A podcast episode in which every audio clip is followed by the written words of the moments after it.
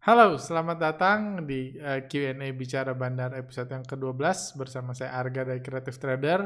Seperti biasa, dalam podcast kali ini saya akan menjawab pertanyaan-pertanyaan yang masuk. Ada banyak pertanyaan yang masuk uh, di kolom komentar podcast-podcast kami sebelumnya, juga melalui Instagram kami dan uh, sosial media lainnya. Saya uh, saya sudah memilih, kami sudah memilih pertanyaan-pertanyaan yang paling banyak di like, yang paling bagus, dan pertanyaan itulah yang akan saya jawab dalam podcast kali ini. Ada pertanyaan mengenai kondisi IHSG uh, terkini yang masih lesu, tentang krisis bandar, uh, tentang uh, ya apa ya kinerja bursa yang apa ya keberadaan bursa yang semakin rasanya semakin terancam dengan bangkitnya cryptocurrency juga Uh, juga banyak pertanyaan tentang bandarmologi, rekan-rekan yang pengen belajar lebih dalam tentang bandarmologi dan dan hal-hal lainnya seperti itu. Uh, jadi uh, dalam uh, juga akan menjawab pertanyaan tentang uh, banyak yang uh, bertanya atau komentar tentang statement saya di podcast sebelumnya yang saya mengatakan uh, cryptocurrency itu keunggulannya dia nggak punya fundamental. Jadi karena dia nggak punya uh, fundamental itu bandar benar-benar punya kebebasan mengatur harga sah harga kriptonya mau harganya uh, 0,1 dolar atau 100 dolar nggak ada pembandingnya karena funda uh, cryptocurrency nggak punya fundamental kayak gitu murni kebebasan bandar harganya. Cuma banyak yang protes katanya cryptocurrency ada fundamentalnya dan lain-lain dan saya akan sedikit bedah tentang statement itu supaya sama-sama bisa kita pelajari seperti itu. Oke, uh, mari kita mulai.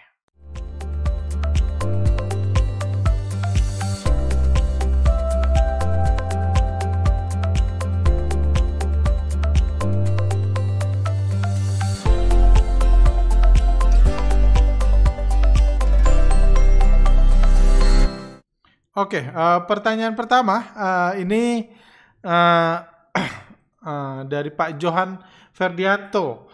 Uh, sebenarnya bursa saham di negara-negara lain juga performanya lumayan dan baik-baik aja. IHSG aja yang uh, gemblung kebanyakan drama antara market maker pemangku kepentingan gak sinkron. Uh, ya, ini saya setuju. Dalam podcast sebelumnya juga saya mengatakan sampai minggu lalu dojo uh, bursa Amerika S&P 500 masih mencetak all time high-nya, mencetak rekor tertingginya di negara lain uh, antara saham blue chip, saham busuk dan cryptocurrency sama-sama digoreng di era busuk investing stock market 2.0 ini benar-benar saling beradu lah, saling beradu menggoreng. Kalau Anda follow in, uh, Instagram kami uh, Instagram atau Telegram kami Anda Anda sempat lihat statement di mana uh, ada toko itu tukang jualan ayam goreng dihargain 100 juta dolar dan lain-lain.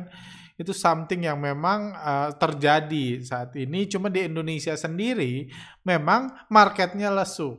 Marketnya lesu dan uh, dan uh, dan penyebabnya seperti uh, saya katakan sebelumnya adalah krisis bandar yang bersamaan dengan hype-nya cryptocurrency yang membuat bandar saham lokal itu susah bersaing karena adanya krisis bandar yang seperti saya ulang berulang-ulang saya katakan krisis bandar adalah hal terburuk yang bisa terjadi di bursa saham yang harga sahamnya digerakkan oleh bandar. Sama kayak hal yang terburuk di dunia perfilman adalah kalau semua sutradara itu nggak mau buat film. Kayak gitu karena tanpa sutradara nggak ada film tanpa bandar ya nggak perlu ada bursa saham kayak gitu. Karena siapa juga yang gerakin harga dan buat apa ujungnya market sepi seperti sekarang. Uh, dan ini uh, lanjut. Ini yang banyak di like uh, minimal bandar Amrik masih goreng saham-saham berfundamental baik. Apple Google dan lain-lain. Sehingga sampai harganya selangit nggak kayak IHSG yang nyeleneh mencolok banget. Ya memang ya kalau di Amerika ya antara busuk investing dan uh, apa ya growth investing atau atau antar saham busuk dengan saham fundam dengan fundamental baik itu sama-sama digoreng itu kebaikan. Mendingnya kalau di Indonesia benar-benar cuma saham busuk aja. Seperti itu yang yang digoreng dalam sebulan terakhir itu realita yang kita hadapi setelah memasuki krisis bandar ini. Ini juga saya ada screen cap berita mau jadi post Instagram cuma saya bahas dulu di sini. Uh, ini untuk pertama kalinya saya menemukan berita atau seseorang berani buka suara tentang krisis bandar yang uh, di sini CNBC memberitakan hari ini salah satu sumber CNBC Indonesia mengatakan salah satu penyebab nilai transaksi turun adalah masalah BPJS Ketenagakerjaan atau BPJS Sostek yang saat ini sedang ditangani oleh Kejaksaan Agung. Seperti saya katakan sejak hari pertama keluar berita tentang BP Jam Sostek di pertengahan Januari lalu ketika market lagi bullish-bullishnya, ini sangat bahaya. Dan sekarang sudah dijelaskan penyebab nilai transaksi turun adalah BPJS Jam Sostek menurut CNBC. Menurut membuat manajer investasi menahan diri untuk melakukan transaksi saham. Manajer investasi nggak berani transaksi saham, bandar takut menggoreng saham. Itulah efek dari krisis bandar. Sama seperti efek dari krisis sutradara di mana uh, di mana uh, uh, sutradara malas membuat film. Ujungnya nggak ada film karena uh, karena bandar adalah sutradara dari pergerakan harga saham. Lanjut, kasus ini membuat investor MIMI lokal takut untuk transaksi. Dana pensiun juga mulai takut berinvestasi di saham akibat kasus jam sostek di mana floating loss dianggap sudah menyebabkan kerugian. Barangnya belum di cut loss, sekarang sudah diproses.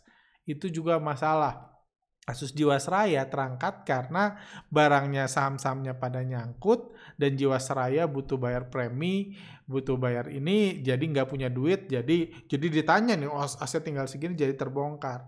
BPJS TK setahu saya nggak ada masalah itu, cuman sekarang floating loss aja dipermasalahkan. Jadi di sini sebenarnya ini eh, bahkan sebelum eh, heboh cryptocurrency pun saya sudah mengatakan uh, ini harus diatasi dengan sesegera mungkin, sebaik mungkin.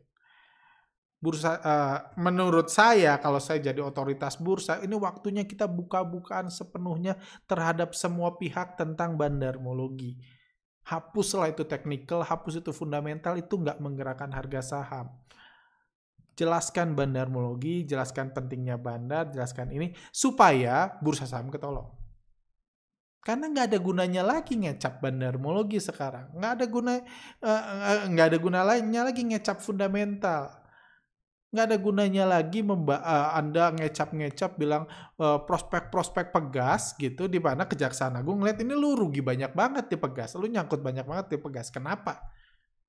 Harusnya uh, harusnya bil, uh, dibilang uh, harusnya either perwakilan bursa atau analis atau siapa pun lah bilang ke mereka Pegas itu dulu bandarnya asing, asing terus jualan, BPJS TK buat mistake atau buat eh, langkah di mana terus membeli, asing terus jualan, jadi terus nyangkut. Jangan salahin BPJS TK, salahin asing. Kalau nggak bisa nyalahin asing, ya pasrah berdoa bersama. Supaya asing punya keinginan untuk menaikkan harga saham lagi. Karena nggak ada gunanya Anda ngecap fundamentalnya bagus, prospeknya bagus, gasnya wangi atau apa pun itu nggak guna dalam kondisi kayak gini. Harus diajarkan.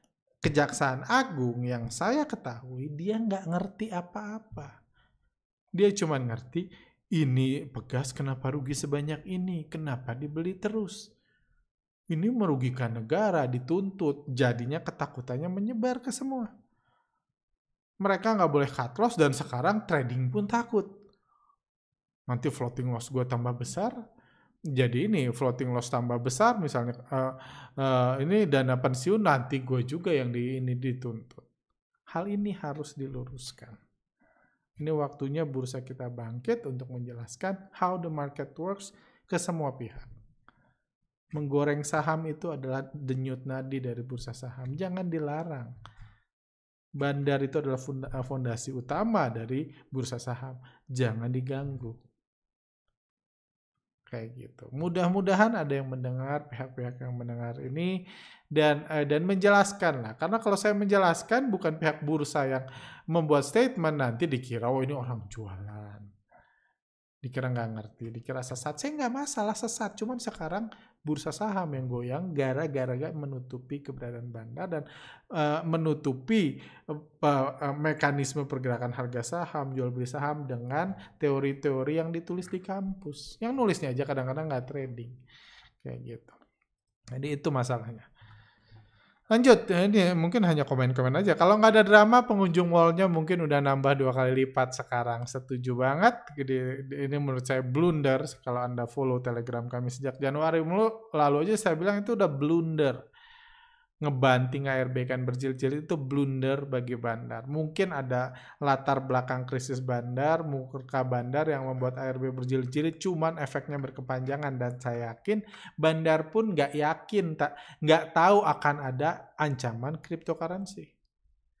Karena kalau Anda ngomong krisis bandar, Januari 2019, uh, Januari 2020 itu juga krisis bandar Desember 2019 itu juga krisis bandar. Pada saat itu transaksi saham turun 30 persennya. Dari transaksi sebelum krisis bandar, sebelum kasus Jiwasraya.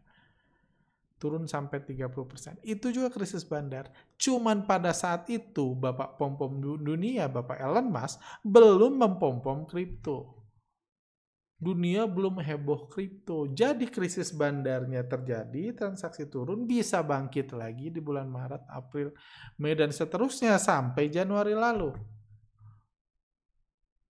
Jadi bantingan murka itu ya istilahnya istilah mallnya di orang di mall kalau masuk analogi saya di podcast sebelumnya kalau pengunjung mallnya dijarah, dirampok gitu, disakiti, pada kapok, cuma balik lagi karena nggak ada mall lain. Sekarang ada mall lain, pindah mereka.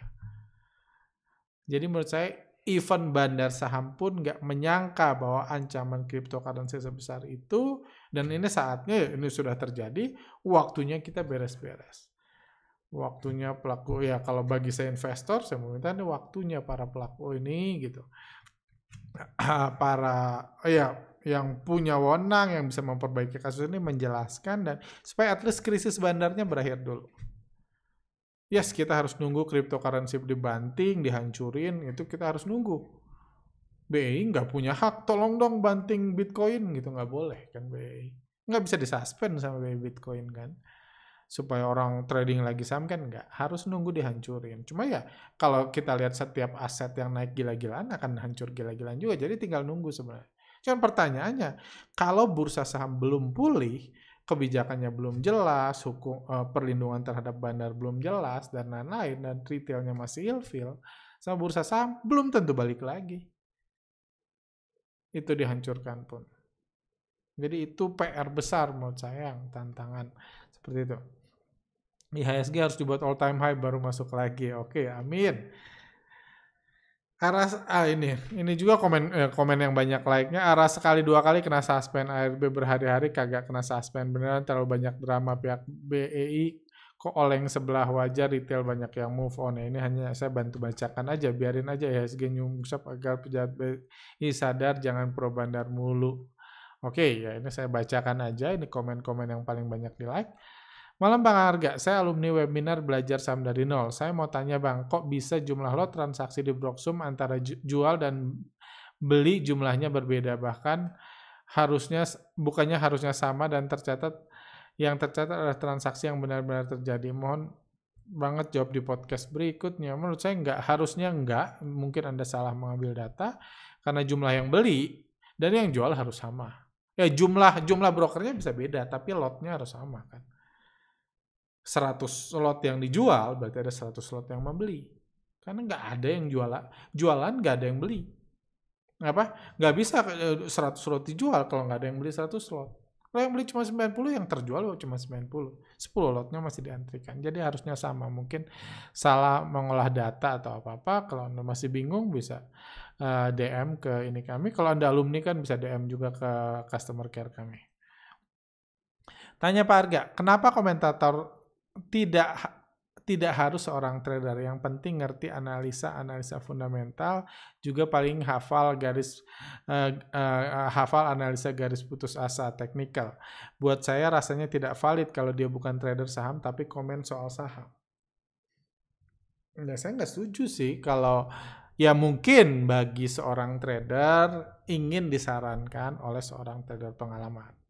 Tapi pertamanya trader pengalaman itu pertama nggak mudah didapat kan lebih mudah nyuruh dia ini cekokin buku tek, buku teknikal banyak, ini ini cekokin buku fundamental, baca semua mulai besok lu jadi ini ya, eh, mulai bulan depan lu jadi komentator saham itu lebih mudah daripada menjadikan trader. Karena trader harus pengalaman. Sama trader itu kayak pedagang yang berhasil. Nggak usah lah jadi pedagang terkait di dunia, tapi pedagang yang berhasil jadi pedagang susah. Dan kalau dia udah jadi trader, apakah dia mau jadi komentator saham? Itu satu. Jadi uh, apa ya sekuritas akan kesulitan cari komentator saham, cari analis kalau komentator sahamnya itu harus juga trader. Lebih gampang dikasih sertifikat, dikasih gelar, dikasih itu itu kan cuma to do list kan. Lu baca, lu hafal, lu dites, dikasih sertifikat. Foto-foto itu lebih mudah daripada membuat seorang uh, menjadikan dia seorang trader. Satu hal lain, terus kenapa komentator saham dilarang trading? Ada sekuritas yang melarang komentator sahamnya trade. Bukan hanya nggak perlu, tapi dilarang. Supaya nggak subjektif. Atau supaya nggak ini eh, nggak nggak ini kepentingan lah. Setahu saya banyak sekuritas supaya uh, dikasih tahu gitu, dikasih tahu goreng gitu, dia dia ikut kayak gitu tolong pom pom ya dia ikut dia ngasih ngambil opportunity enggak tugas komentator saham sama seperti komentator bola hanya buat nyeru nyeruin buat seru kondisi buat rame buat retailnya semakin menggebu-gebu semakin deg-degan semakin itu sama sama komentator sepak bola. Nggak ada hubungannya sama permainan permainan sepak bola selain untuk memeriahkan. Sekarang lebih ke arah menghibur lucu-lucuan nah, seperti itu. Jadi menurut saya nggak ada kebutuhan di situ Kayak gitu. Kami kalau di kantor ini semua analis trading saham. Tapi kinerja trading mereka nggak menentukan gaji mereka. Semua digaji, semua digaji based on performance, dan semua somehow trading saham. Tetap trading pakai uang masing-masing. Kayak gitu. Tapi kalau ada calon, misalnya kami kan lagi banyak riset, misalnya kami cari analis baru, Ya saya akan tanya, Anda trading, pernah trading? Karena kalau trading aja nggak pernah, agak susah ngajarinnya. Kayak gitu, agak susah ngajarinnya. Kami lebih prefer, uh, lebih prefer orang uh, nge-hire uh, itu misalnya anak muda yang gagal trading tapi masih jatuh bangun rugi trading daripada yang punya sertifikat 7, punya gelar panjang gitu. Bagi kami nggak guna ilmunya kayak gitu. Tapi trading, pengalaman akan lebih paham tentang bandar, lebih mudah diajari karena kami fokusnya dari trader ngajar ke trader. Cuman bagi kami, ya kembali lagi lebih susah nyarinya, lebih ini kayak gitu dan lebih mahal juga biasa gajinya kan. Kalau dia jadi trader aja udah sukses, mau dijadi dan satu lagi yang saya rasa ya, ini saya pribadi merasakan sebagai trader dan trader dan komentator saham itu sering kali tuh tugas yang bertentangan. Jadi seperti saya bilang kan, udah udah sebulan terakhir saya fokus riset, ya fokus riset ya analis lah, nggak, saya nggak banyak komentar riset saya gitu, cuman fokus riset. Ketika saya fokus riset biasanya load trading saya berkurang, karena saya malas ngebagi otak saya, capek gitu. Lagi fokus gini, lagi ada ide, tiba-tiba saham dibanting harus balik ke saham, jadi susah susah untuk produktif ketika Anda uh, lagi serius riset. Kayak gitu. Jadi ya itu sih. Jadi banyak. Jadi saya nggak ngerasa itu possible di saya lebih eh, saya tahu saya lebih banyak komentator saham yang dilarang trading dan nggak trading daripada yang benar-benar trading. Mungkin 9 8 banding 2 lah kayak gitu. Jadi ya Anda jangan harap dapat trading advice dari dia. Kalau mau jadi komentator ya salah. Ya sama seperti Anda nggak usah latihan sepak bola dari ini kan, dari komentator sepak bola. Kalau Anda mau jadi komentator sepak bola, berlatihlah sama dia. Seperti itu. Lanjut. Mungkin salah satu cara supaya pada balik dibuat Sabtu Minggu tidak tutup alias tidak ada libur. Kalau perlu 24 jam nonstop juga. Ini banyak saya nggak ngerti, banyak banget yang mengatakan kelebihan cryptocurrency itu tradingnya 24 jam, Sabtu Minggu nggak libur dan lain-lain. Uh, jujur kalau saya sih, saya nggak mau saham 24 jam, jangankan 24 jam gitu, 12 jam sehari juga saya nggak mau. Nah, berarti harus saya harus punya saya harus meluangkan waktu 12 hari untuk ngestik. Intinya analisa saya, aset saya, duit saya bisa naik turun sama 12 jam itu too much bagi saya. Itu too much. Oke, lebih le, sekarang kan cuma 4 jam, jadi 5-6 jam oke lah, tapi 12 itu berlebihan. Berlebihan kayak gitu. Kami lebih produktif secara riset ketika jam market lebih sedikit. Karena ketika jam market tutup jam 3 masih banyak yang bisa kami lakukan, masih bisa bisa meeting analis dan lain-lain setelah jam market berakhir kalau jam market jam 7 udah pengen pulang analisnya. Kayak gitu. Sebelum ini. Jadi kami saya sih nggak mau dan menurut saya itu bukan keuntungan karena uh, ya istilahnya saya nggak mau punya aset yang harus saya jagain 24 jam. Ada waktu istirahat, saya juga pengen istirahat kan. Saya nggak mau punya apalagi lagi lagi istirahat tidur gitu kan. Tiba-tiba nilai aset saya kurang setengahnya, saya nggak mau. Karena percuma aja saya jago analisa, saya riset segala macam, saya mempersiapkan segala strategi. Kalau pas tidur harganya dibanting, saya nggak tahu apa-apa. Jadi saya sih nggak suka itu. Mungkin mereka yang lagi hot-hot, yang lagi seru-serunya trading crypto, senang nggak ada batasan waktu karena ya uh, ya saya juga tahu ada pegawai yang mungkin dia lebih happy trading Sabtu Minggu kayak gitu. Cuman saya anggap itu biarlah jadi kelebihan kripto, jadi yang suka kayak gitu trading kripto, yang suka ada limitasi, ada pembatasan dan lain-lain. Saya jauh lebih suka itu, ada limitasi, pembatasan, ada libur kayak gitu. Contoh salah satunya adalah uh, kami mayoritas di uh, uh, bisa dibilang ya semua tim kami itu tidak beragama muslim. Jadi uh, sampai dua tahun lalu kadang-kadang kami ngasih bonus bagi ini bagi teman uh, bagi rekan-rekan yang apa uh, bagi pekerja-pekerja yang mau buat proyek lebaran. Jadi lebaran dia nggak libur. Di akhir tahun biasanya kami libur jauh lebih panjang. Biasa minggu ketiga Desember kita udah libur sampai minggu pertama Januari. Jadi biasa Desember itu cuma seperti dua per tiga minggu. Cuman lebaran biasa kami kerja. Kenapa lebaran kerja? Karena lebaran itu market libur panjang dan kami bisa riset panjang tanpa harus mikirin portfolio masing-masing. Balik lagi ke tadi kan, uh, trader uh, apa trader menganalisa atau analis trading itu analis yang trading itu banyak gangguannya sebenarnya. Cuma sayangnya uh, kalau ilmu kami nggak bisa didapat dari buku kayak gitu. Jadi mau nggak mau kita harus trading untuk uh, mempelajari gitu. Lanjut, jadi saya sih nggak setuju, cuma saya juga mengerti banyak yang setuju. Menurut saya perbedaan itu bagus ada, kripto bisa 24 jam bagi yang suka, deg-degan 24 jam silahkan, atau yang mau trading Sabtu Minggu silahkan. Saham menurut saya better ada limitasi, karena kasihan juga brokernya, kasihan itu kalau 24 jam. Lanjut. Mungkin juga di kripto bisa menjadi pembayaran masa depan tuh. Uh, tuh uh, itulah zaman makin maju hehe. Saya saya udah bahas di podcast beberapa bulan yang lalu saya nggak percaya kripto bisa jadi pembayaran masa depan.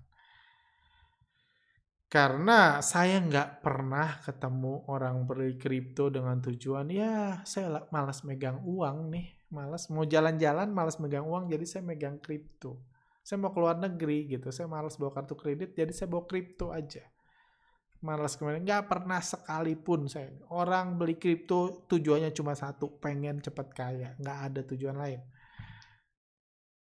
Kalau Anda ngomong gitu, cerita kripto mau jadi pengganti mata uang, itu udah dari dulu.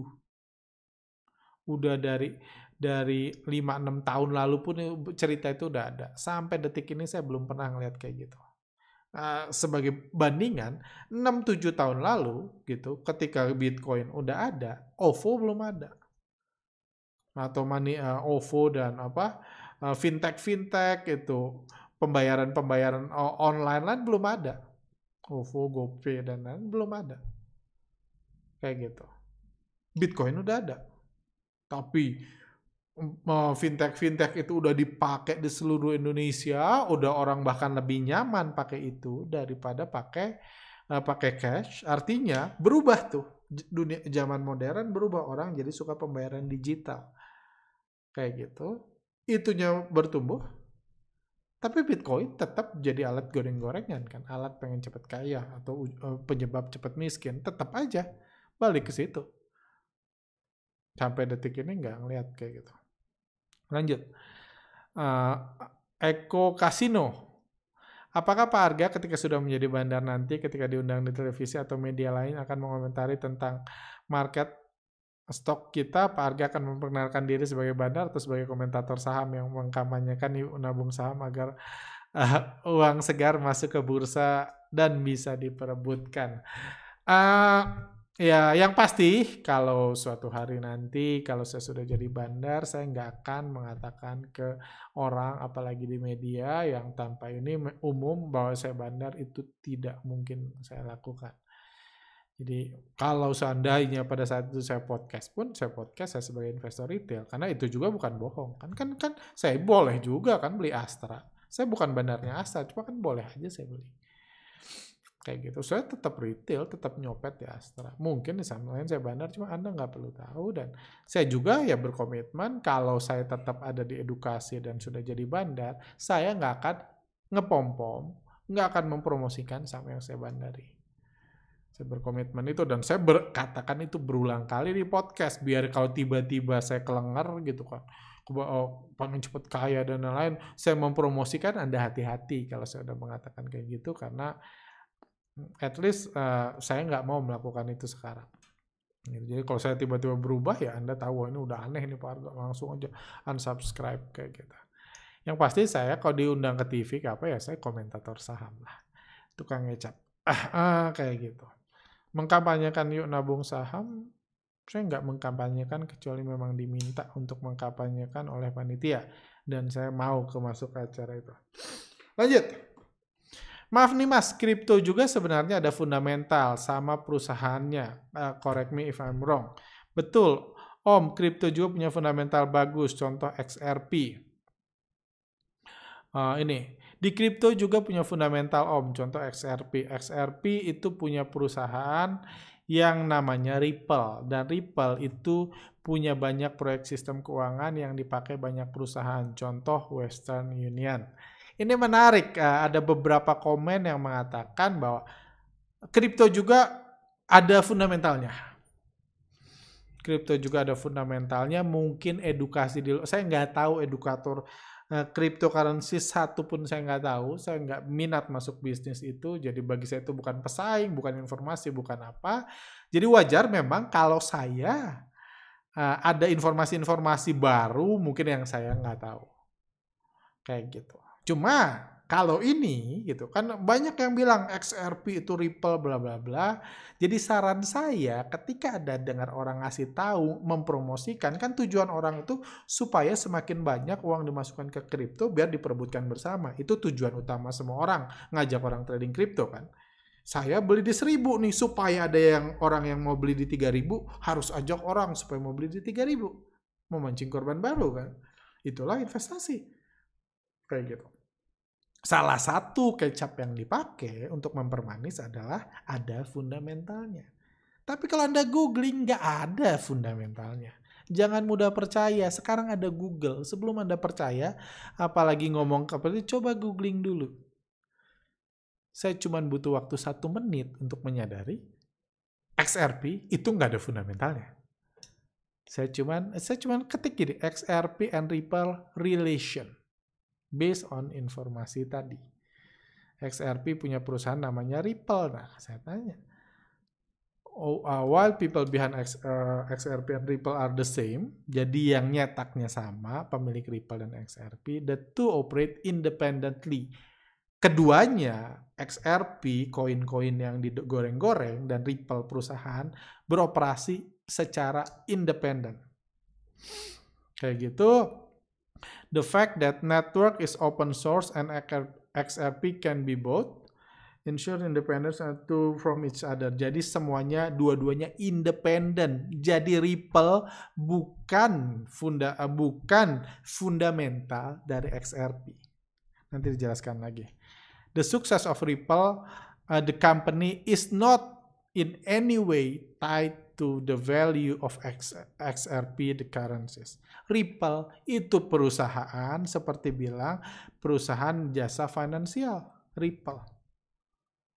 apa yang terjadi di uh, Ripple is not in the way tied to the value. Nggak ada hubungannya sama goreng-gorengannya XRP.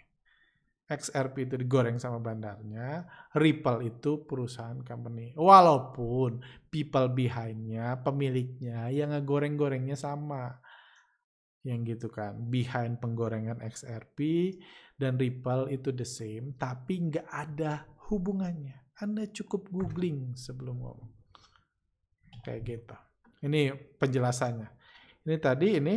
Jadi biar Anda paham, ini saya saya klikin tadi link tadi, Ripple Labs owe 60 billion of XRP coin. Dari 6 uh, dari 100 billion dari main coin traded freely.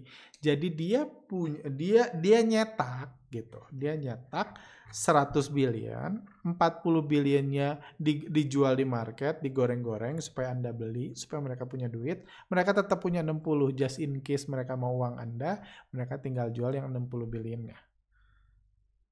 The success on jadi kayak kurang lebih kayak gini nih. Jadi Ripple itu perusahaan Ripple itu dia perusahaan keuangan itu yang saya mengerti ya. Kalau salah bisa koreksi lagi. Itu perusahaan jasa keuangan. Mungkin dia bingung. Dia bingung mau cari funding, terus dia ngerasa, wah kita nyetak koin aja ya. Atau contohnya kayak gini, misalnya CTS.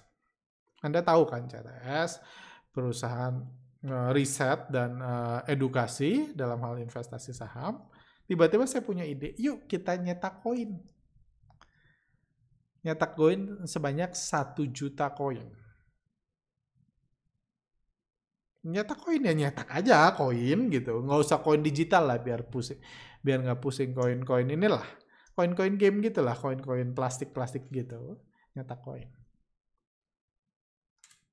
Apa hubungan hubungan CTS dengan koin uh, CTS Creative Trader sebagai company dengan CT koin CTS? Iya kita yang nyetak kita yang pesan ke uh, pabrik, tolong cetakin koin. Terus koinnya saya jual. Berarti kalau saya jual koin, dari koin tidak berharga itu saya jual kasih harga. Saya ha kasih harga ke alumni-alumni workshop. Saya jual dari satu juta koin, saya jual 100 koin. Harganya berapa? 100 rupiah. Pada mau, pada mau murah-murah ambil. 100 alumni saya jual 100 koin di harga 100 rupiah Tiga hari kemudian saya naikin. Sekarang koinnya 200. Alumni yang mau jual boleh, yang mau beli silahkan. Sekarang udah 200, udah naik 100% koin saya. Kenapa bisa naik ya mau mau gue, gue bandarnya, gue yang punya. Jadi mungkin ada ada dari 100 alumni yang punya koin seharga 100 perak, saya mau jual nih, saya kasih 200. Oh, udah untung 100%. Sementara alumni lain bilang, wah gila ya koin CTS Baru seminggu udah naik 100%, saya mau dong beli. Ada beli 200. Di harga 200, saya punya 1 juta koin ya. Di harga 200 mungkin ada 50 yang mau beli. Nah, di harga 200 mungkin ada 300 orang yang mau beli. Tetap gua yang buat. Tetap saya yang buat koinnya. Tetap nyetak kemarin nyetak gitu di ini gitu. Di tukang cetak gitu. Kayak gitu nyetak pertama di harga 100 saya jual 100. 50 mau jual di 200. Jadi saya harus beli dari mereka. Tapi saya bisa jual 500 di harga 200. Gitu terus. Udah itu saya naikin 300. Tambah happy mereka. Alumni-alumni dan mulai saya promote gitu di Telegram saya naikin ke 300, ke 400. Yang mau beli saya yang mau beli saya kasih, yang mau jual ini. Kalau perlu biar ini biar banyak mau ini, tunjukin candlesticknya kan hijau, hijau golden cross. Orang tergila-gila. Wah, kalah Dogecoin yang dipom-pom Elon Musk sama CTS. Kalah BBCA. Ini baru tiga minggu udah naik 500%. Anda dan karena saya yang promote akan muncul imajinasi bahwa koin CTS ini itu ada fundamentalnya, fundamentalnya fundamental CTS. Padahal kagak, cuma kita yang nyetak. Nggak ada fundamentalnya. Ya fundamentalnya harganya nyetak itu gitu kan di pasar baru gitu. Itu fundamentalnya. Itu harganya nyetak. Cuma saya goreng 100, 200, 300. Mungkin sampai 1000 saya goreng. 1500. Udah muncul di mana-mana kan. Mudah-mudahan muncul di CNBC. Harga koin CTS kalau perlu biar seru. Misalnya suatu hari kami buat uh, workshop gitu, buat workshop uh, buat workshop dan pesertanya banyak di foto-foto, dokumentasi segala macam. Terus hari pada hari itu kita naikin lagi harga koin CTS dari 1000 ke 1200 tambah tergila-gila. Tuh bener kan gitu. Kalau CTS peserta workshopnya banyak harga CTS naik. Jadi anda mulai ngeliatin seminar CTS kayak gitu. Balik ke pertanyaannya emang ada hubungannya sama CTS tidak ada. Yang buat sama sama sama saya. Yang nyata koin, yang beli koin nyata koin di pasar baru saya, yang jalanin CTS saya. Yang ngatur harga koinnya saya, yang jalanin CTS saya. Cuman kalau Anda sebagai pemilik koin, apakah Anda punya hak sama CTS ya kagak? Saya kan cuma jual koin gak berharga kan. Anda mau beli ya salah Anda. Anda datang ke sini, saya punya koin CTS uh, 50 nih. Oh, atau saya beli koin CTS harga 10 juta, boleh nggak ikut workshop gratis? Kagak. Ikut workshop gratis, daftar, bayar pakai cash. Anda nggak punya hak ikut workshop CTS gratis. Anda datang ke kantor, nanya pemegang saham, eh, pemegang koin duduk di mana ya? Gitu. Yang nerima penerima tamu Anda bilang duduk di rumah masing-masing. Di sini nggak ada urusan pemegang koin. Kita cuma jual koin nggak berguna ke Anda, Anda yang pengen beli. Nggak ada ikatannya. Terus kalau misalnya, berarti kalau gimana kalau CTS-nya semakin besar? Apakah koin eh, makin besar? Ya mau-mau saya. Bisa aja CTS semakin besar, koinnya saya hancurin, saya habisin, saya jual sejuta semua, udah itu nggak saya bandarin lagi Kenapa? Karena saya mau ganti jadi CTC. Udah itu saya ke pasar baru lagi, beli koin 100 perak lagi, beli koin lagi, saya jual lagi. Itu yang saya goreng, CTC. Yang nyetak creative trader. That's how the market works. Itu hubungan antara Ripple dan XRP. Ripple pemilik XRP, dia yang nentuin harganya. Anda yang beli. Digoreng-goreng Anda suka beli, jadi salah satu kripto terbesar. Apakah uh, dan di sini di uh, Ripple is a private enterprise software. Ini perusahaan private. Anda nggak punya sahamnya, nggak berhak, eh, berhak menentukan direksinya, nggak berhak dapat dividen, nggak berhak apa-apa. Anda cuma beli barang jualan dia. Dia nyata koin, Anda mau beli. Anda trading koinnya, Anda ngeliatin perusahaannya, terserah Anda. Yang nentuin harga mereka, dan semakin tinggi, semakin kaya si pemilik Ripple-nya. That's it. Semakin tinggi harganya. Kalau tiba-tiba mau dihancurin, Ripple-nya bisa, perusahaannya akan tetap baik-baik saja. Karena perusahaannya tidak ada hubungan. Itu bedanya sama saham. Kalau perusahaan, kalau perusahaan bangkrut juga nggak ada hubungan kan, seperti dijelaskan tadi. It's not any way tied to the value to XRP. Seperti itu. Mungkin ya kalau ada uh, ada koin-koin lain yang Anda kira ada fundamentalnya, coba deh googling. Pelajari baik-baik kayak gitu karena mayoritas harusnya nggak ada. Cuma kalau ada silahkan komen ya. Kembali lagi, saya bukan orang ini, cuman istilahnya uh, yang paling banyak di komen Ripple aja cukup googling satu setengah menit udah ketahuan bahwa ini cuma goreng-gorengan aja. Seperti itu.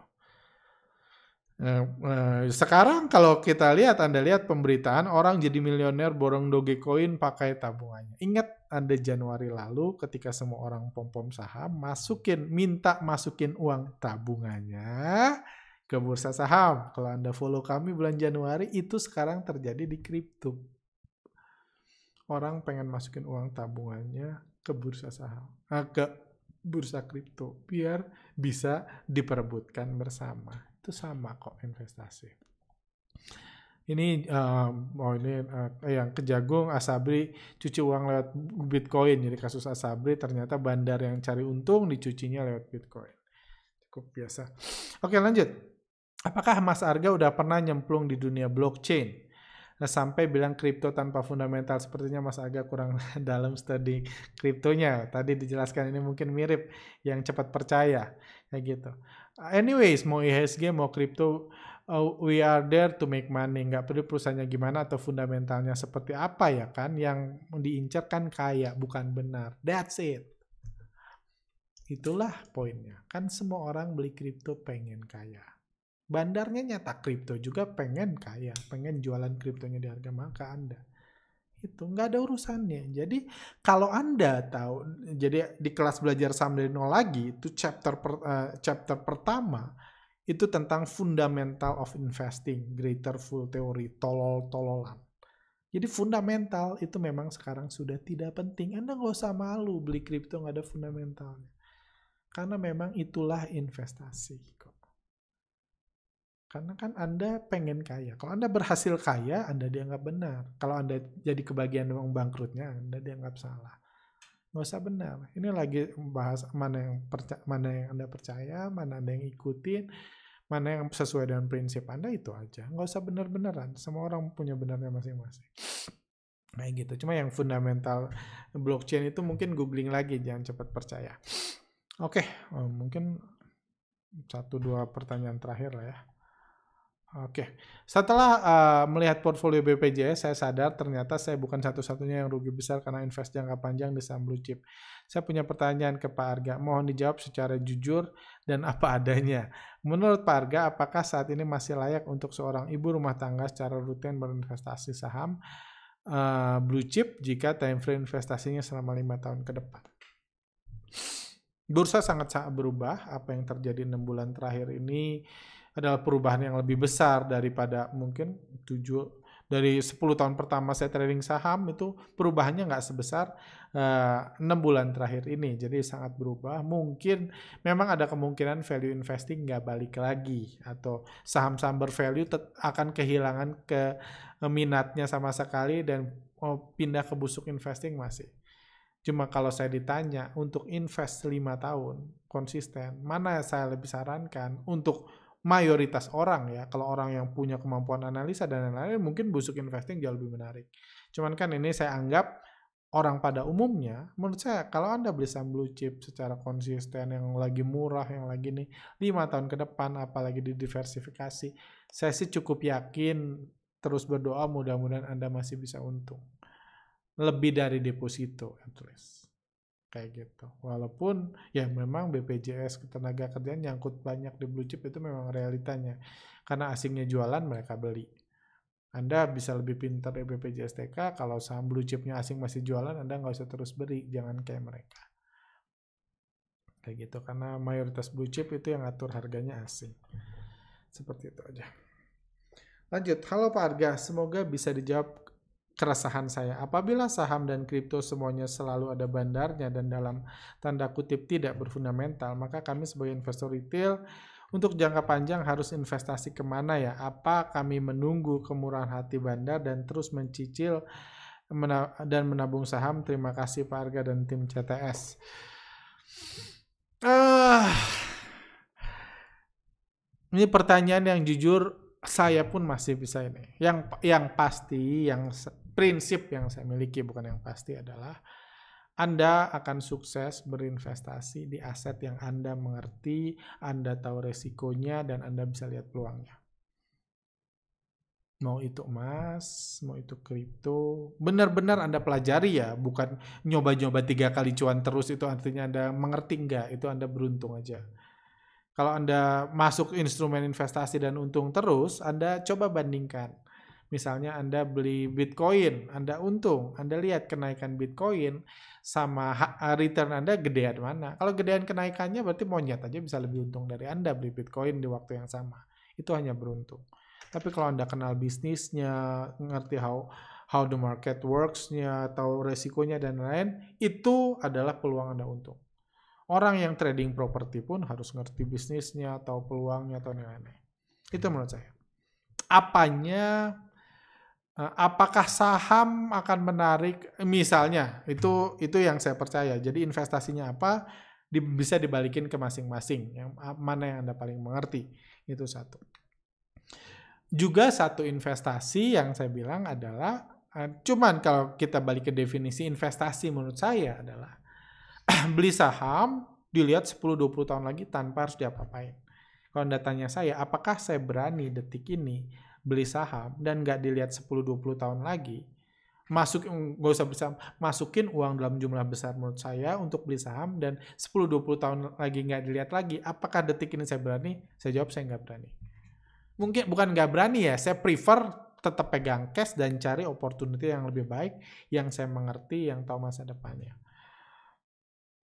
Satu tahun lalu saya bahas tentang apa uh, tentang uh, tentang Lokeng Hong saya mengatakan bahwa menurut saya value investing itu udah diganti dengan venture capital karena yang saya mengerti, yang saya pahami, yang saya lihat mungkin sebagian ya mungkin 20, 30 bahkan sampai 50 persen bisnis yang mapan 10, 20 tahun yang lalu mungkin akan digantikan 5, 5 10 tahun ke depan dan digantikannya semua sama startup.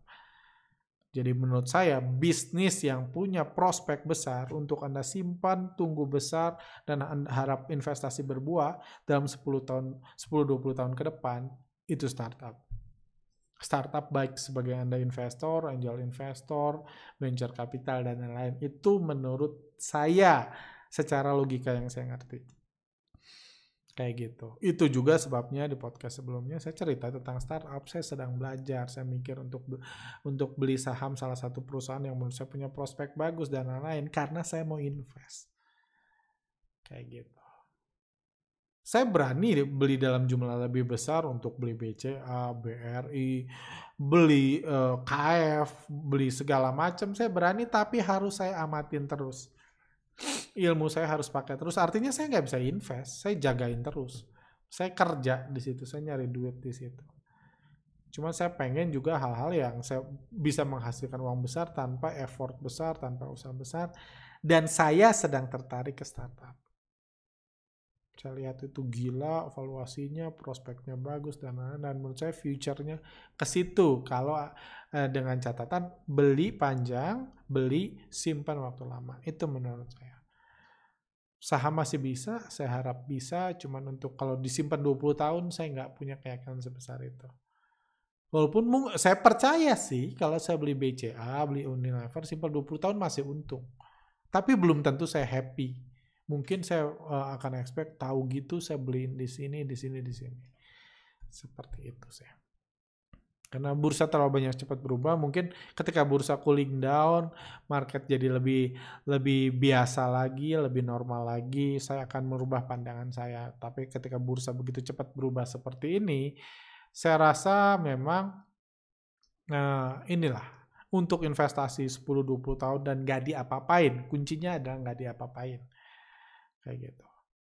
Uh, menurut saya mungkin saya lihat ada beberapa instrumen yang ya saya sedang belajar soal. Kembali lagi kan saya tahu dari tahun lalu pun tahu. Cuman sampai detik ini belum keluar uang sepeser pun karena saya mau belajar dulu mau ngerti dulu mau lihat dulu peluangnya kayak gitu Kurang lebih seperti itu. Oke, itu aja mungkin buat kali ini. Eh, semoga podcast ini bisa menjawab pertanyaan Anda. Anda bisa belajar something. Seperti biasa, kalau Anda ada ada yang nggak setuju, ada yang uh, mau Anda perbaiki atau menurut saya salah, atau Anda punya pertanyaan, masukin di kolom pertanyaan. I'm happy to answer that. Uh, ya jangan juga jangan lupa juga tolong di like kalau ada pertanyaan yang pengen anda jawab atau pengen anda anda pengen saya bacakan karena ya yang banyak like-nya pasti kami berikan prioritas selain yang menurut kami menarik. Seperti itu. Oke sehat selalu rekan-rekan. Sampai jumpa lain kesempatan. See you next time